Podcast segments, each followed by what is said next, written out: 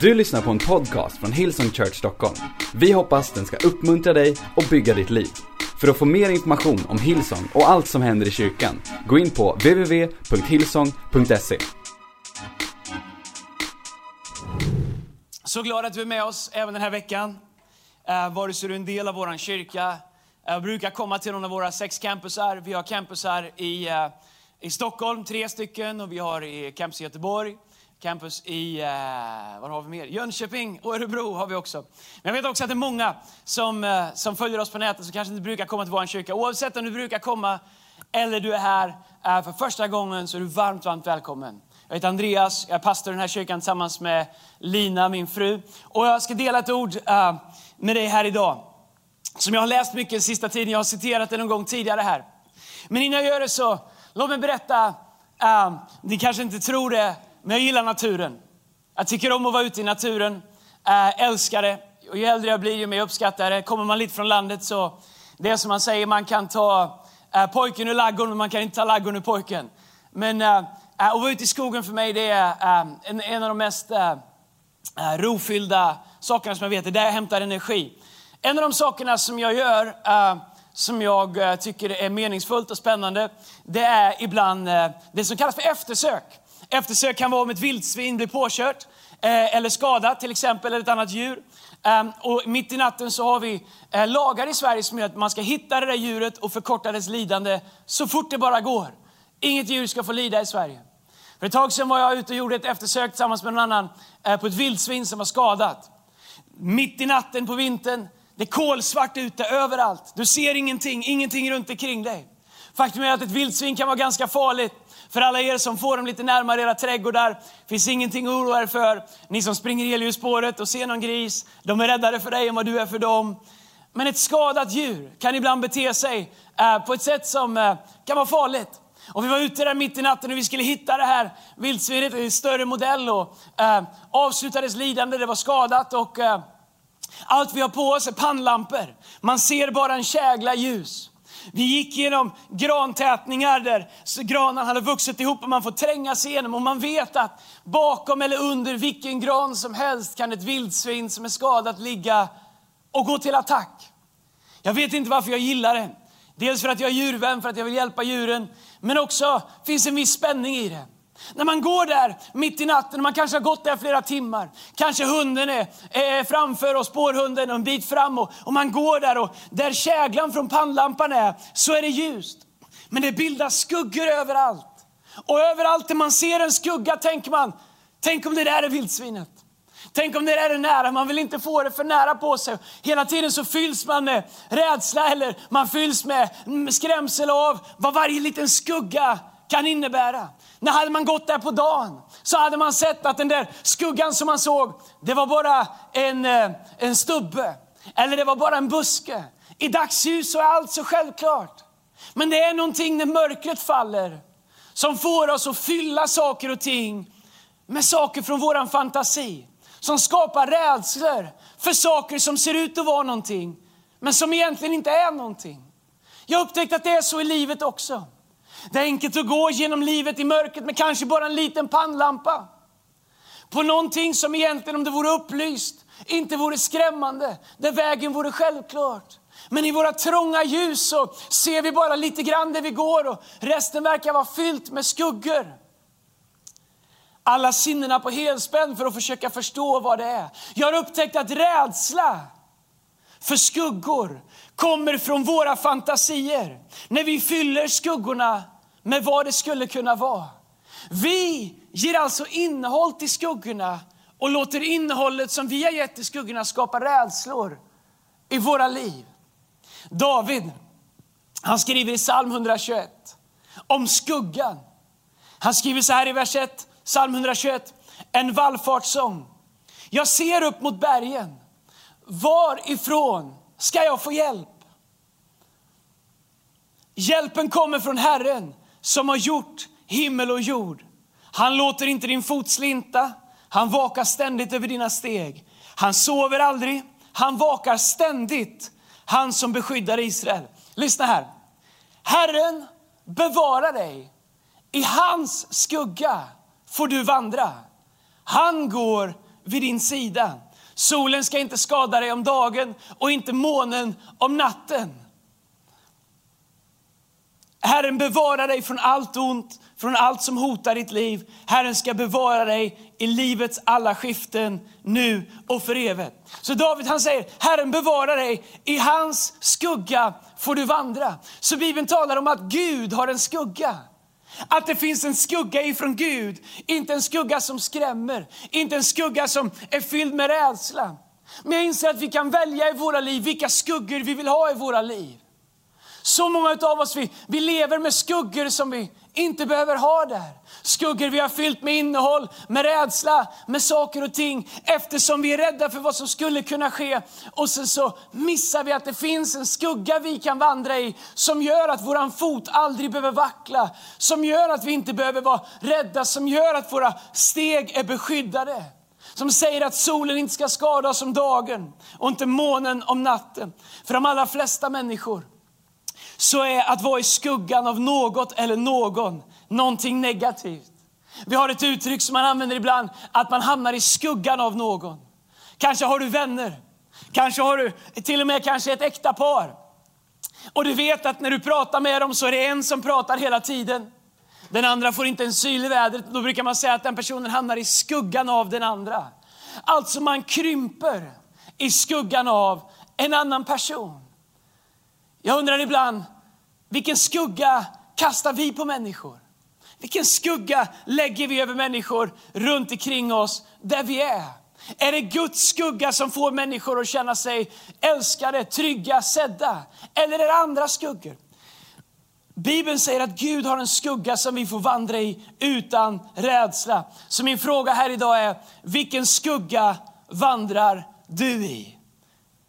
Jag skrev ner några förslag på skuggor som vi så enkelt kan hamna i. Den första skuggan som jag skrev ner är skuggan av vårt förflutna. Jag inser att så många människor vandrar i skuggan av sitt förflutna, i skuggan av det som har varit. Vi låter dåtiden fortfarande kasta en skugga över nutiden. Man lever med sina misstag. Man har svårt att förlåta sig själv. Och eftersom vi har svårt att förlåta oss själva så har vi svårt att tro att det finns en Gud som har förlåtit oss. Så ofta träffar jag människor som, som brottas med och kämpar med skuggan av sitt förflutna. Och när jag säger till dem, min vän Gud, han förlät dig från det ögonblicket som du vände dig till honom. Men vet du vad, vi måste också förlåta oss själva. Vi måste också ibland välja att kliva ur skuggan av vårt förflutna. Och vi måste vara människor som inte håller människor fast i skuggan av deras förflutna. Jag brukar säga att i vår kyrka så har vi inga etiketter. Jag tycker mycket illa om etiketter. Jag, jag till och med skulle vilja använda ordet att jag hatar när vi sätter etiketter på människor. Ibland använder man ord som ex-man eller ex-hustru eller ex-företagare eller ex-kriminell eller ex-missbrukare eh, eller före detta alkoholist. Och vi benämner människor utifrån vad de brukade vara. Vet du, ingenstans i Bibeln så finns det belägg för det. Utan tvärtom säger Bibeln att vi är nya skapelser i Kristus, att något nytt har kommit. Så om Gud inte har satt en etikett på dig som refererar till ditt förflutna, Sätt ingen etikett på dig själv som refererar till ditt förflutna. Och låt ingen annan i omgivningen heller sätta en etikett på dig. Lev fri från skuggan av ditt förflutna. Vet du vad? En av de svåraste människorna att förlåta är ibland sig själv. Ibland är det till och med enklare att förlåta någon annan som gör någonting mot oss än vad det är att förlåta oss själva. Jesus sa att det viktigaste budet är att älska Herren våran Gud av hela vårt hjärta och av hela våran själ och våra nästa som oss själva. Du förstår, om inte du förlåter dig själv så kommer du aldrig kunna ge förlåtelse till andra människor. Bibeln säger att vi kan bara ge som gåva det vi har, det, det, det vi har på insidan. Det vi har tagit emot som en gåva. Min bön är att du inte skulle leva i skuggan av ditt förflutna. Kanske gick det fel, kanske gjorde någon dig illa. Kanske har du varit på en plats i livet du önskar du aldrig vara på. Kanske har du gjort saker som har satt spår i ditt liv som fortfarande finns kvar. Men du kan förlåta dig själv. Du behöver inte leva i skuggan av ditt förflutna. En annan skugga som är så lätt att leva i är i skuggan av misslyckade försök. Har du någon gång satsat stort? Bestämt dig för någonting som skulle bli. Du kände att det var någonting som kanske till och med Gud hade lagt på ditt hjärta. Du satsade stort men det blev inte som du hade tänkt. Kanske en dröm, kanske en kallelse, kanske någonting som Gud hade lagt på insidan av dig. Kanske var det ett företag du hade drömt om att starta som inte blev som det skulle. Kanske är det en relation du satsade på som gick i krasch. Misslyckade försök, misslyckade satsningar.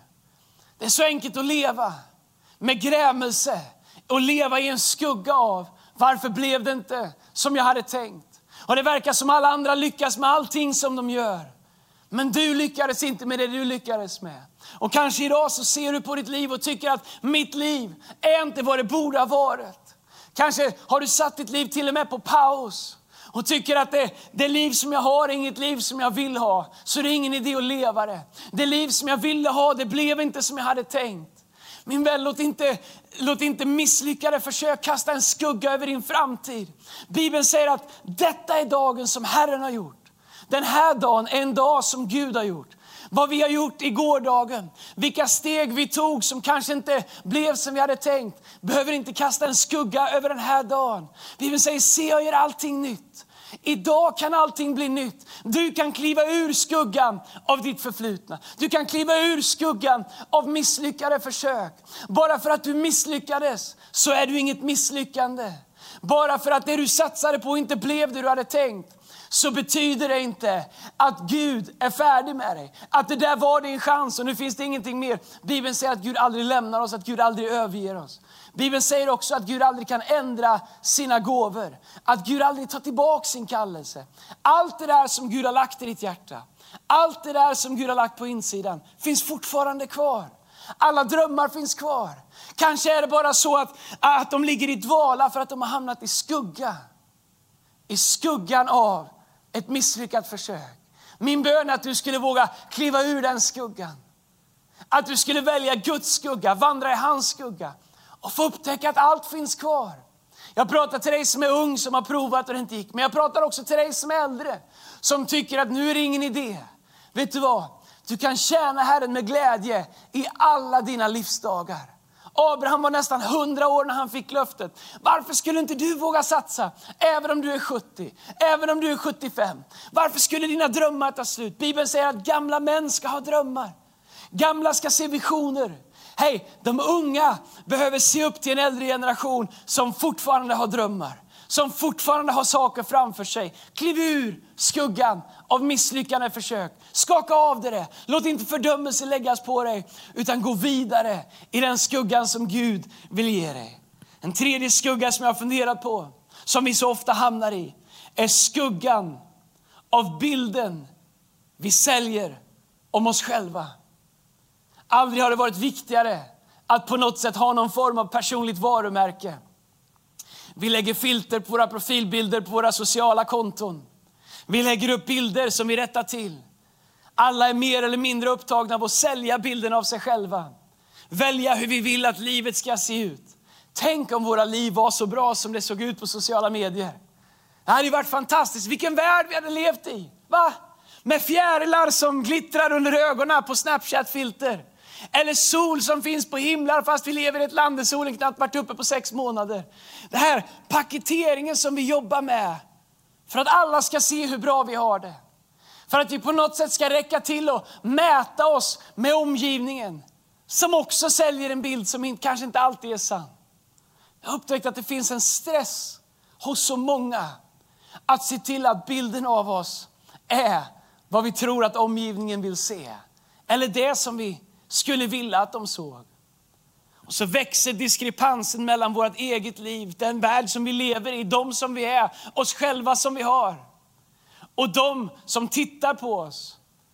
Och jag upptäckte att ju längre avståndet blir mellan hur mitt liv verkligen är och det liv som jag försöker projicera, ju ihåligare blir mitt liv.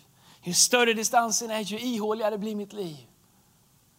Vad skulle hända om det liv som vi lever är det liv som syns? Här är en tanke. Om du har ett liv som du inte tror går att visa upp, kanske borde du låta Gud göra någonting åt det. Om ditt liv är fyllt med saker som du tror att du behöver sminka över, som du tror att du behöver maskera, Varför inte ge de sakerna till Gud? Varför inte låta Gud få de sakerna? Bibeln säger i psalm 139 att medan vi formades i vår mammas mage när du var i din mammas mage, du kanske tänker mitt liv var en slump. Du kanske, ens, du kanske till och med känner att jag vet inte ens om jag är önskad. Kanske omständigheterna du har vuxit upp i inte indikerar att du, var, att du var önskad, planerad, älskad. Kanske känner du att livet har varit tufft. Men, men lyssna min vän, det spelar ingen roll under vilka omständigheter som du föddes. Det som spelar roll är att Bibeln säger att när du formades i din mammas mage så säger Bibeln att Gud var där. Och Gud gav mening till ditt liv. Därför att livet kommer ifrån Gud. Det spelar ingen roll vilka människor som är involverade i tillverkningsprocessen. Livet kommer ifrån Gud. Gud har skapat dig.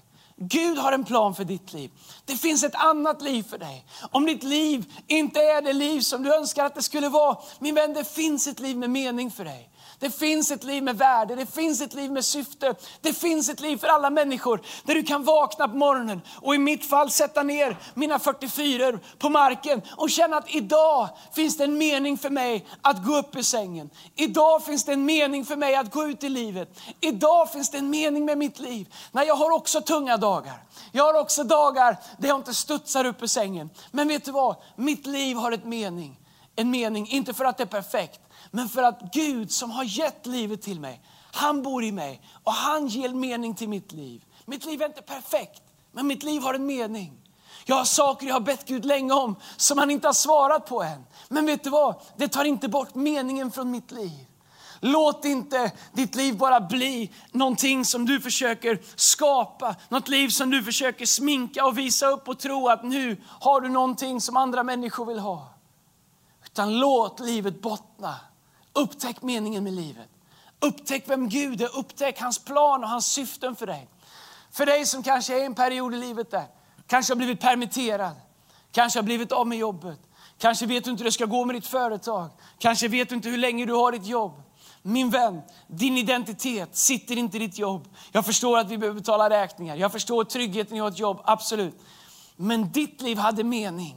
Ditt liv hade purpose, ditt liv hade destiny långt innan du hade det här jobbet. Gud som var med dig när du formade sin mammas mage, han är med dig idag. Han kommer vara med dig varje steg av vägen. Låt inga skuggor få släcka ditt liv. Den fjärde och den sista skuggan som jag har funderat över, det är skuggan av oss själva.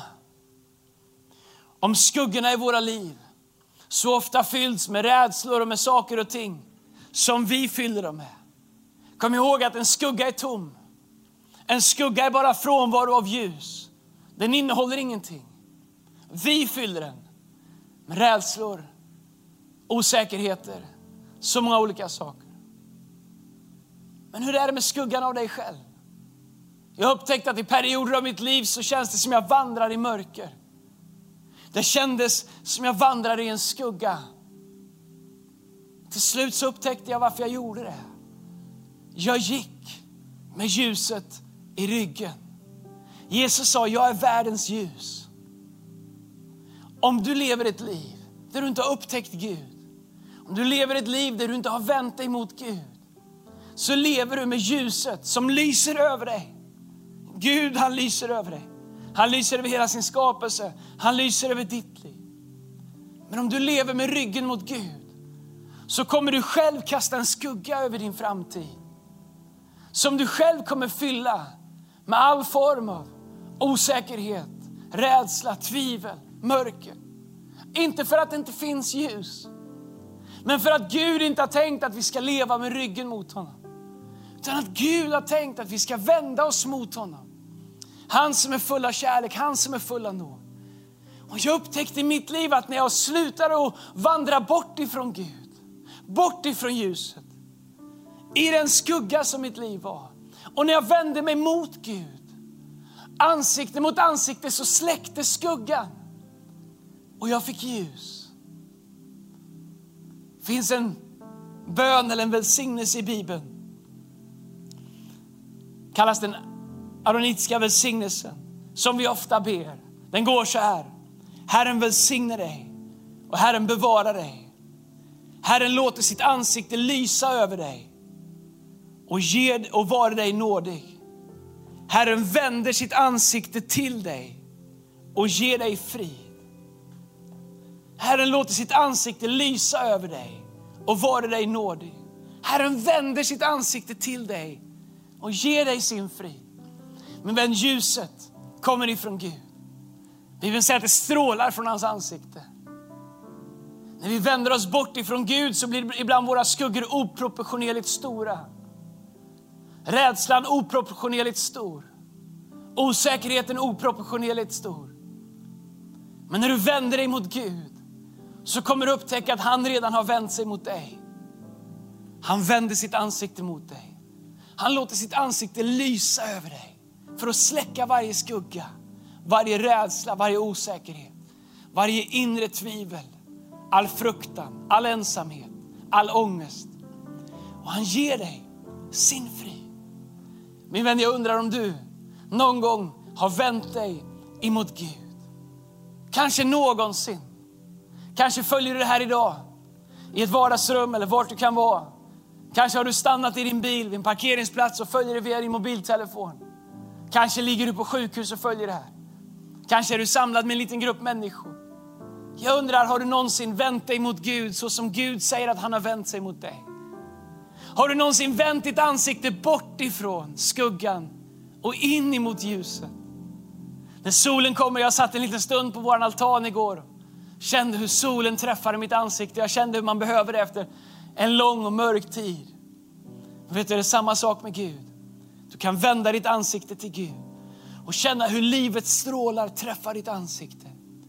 Hur livet strålar, hur livets sol träffar ditt inre och lyser upp ditt inre och släcker alla skuggor. Och mitt i omständigheter som är allt annat än perfekta så kan du ha perfekt frihet. Mitt i omständigheter där tidigare skuggor fyllde dig med rädsla kan du vara full av kärlek. Bibeln säger att Guds kärlek fördriver all rädsla. Att Gud släcker det. Kanske följer du det här som en gång levde ett liv där du var vänd mot Gud. Men av olika anledningar så känns det som du har vänt dig bort ifrån Gud. Kanske hände saker och du trodde att du inte fick vara vän mot honom mer. Min vän, det är inte sant. Kanske valde du andra vägar och upptäckte för sent att du faktiskt har vänt dig bort från Gud och lever nu i en skugga som du kastar över ditt eget liv. Kanske fylld med ångest, ånger och fördömelse. Min vän, allt du behöver göra är att vända dig tillbaks till Gud. Han är här för dig fortfarande. Han har vänt sitt ansikte mot dig och han kommer aldrig vända bort det. Jag ska be en bön. Om du är här idag som aldrig har sagt ja till Gud, du har aldrig vänt ditt ansikte mot Gud. Du har aldrig låtit honom lysa över ditt liv. Du har aldrig fått en personlig relation med honom. När jag ber så kan du be med. Och där du ber är Gud och han vänder sitt ansikte mot dig. Och du kan få känna Guds kärlek träffa ditt liv om du öppnar ditt hjärta och vänder dig mot honom. För dig som behöver vända dig åter till Gud, som har gått på andra vägar och som behöver en ny start i din relation med Gud. Vänd dig mot Gud idag igen. Kom hem, vänd dig till rätt igen. Gud är fortfarande kvar. Hans kärlek är fortfarande här. Hans ansikte är fortfarande vänt mot dig. Låt mig be. Medan jag ber, be tillsammans med mig där du sitter. Kanske högt om du är själv eller om du sitter med andra och inte vill be högt så be mig i ditt hjärta. Be de här bönerna i ditt hjärta efter mig. Tack Gud att du älskar mig. Idag vänder jag mig mot dig. Bort från alla skuggor så vänder jag mig mot ditt ljus. Lys över mitt liv. Kom in i mitt hjärta. Förlåt mig min synd. Från och med idag är jag din och du är min. Tack Jesus att ingenting kan skilja mig ifrån dig. Amen. Du har lyssnat till en podcast från Hillsong Church Stockholm. Om du vill veta mer om vår kyrka eller om våra söndagsmöten, surfa in på www.hillsong.se.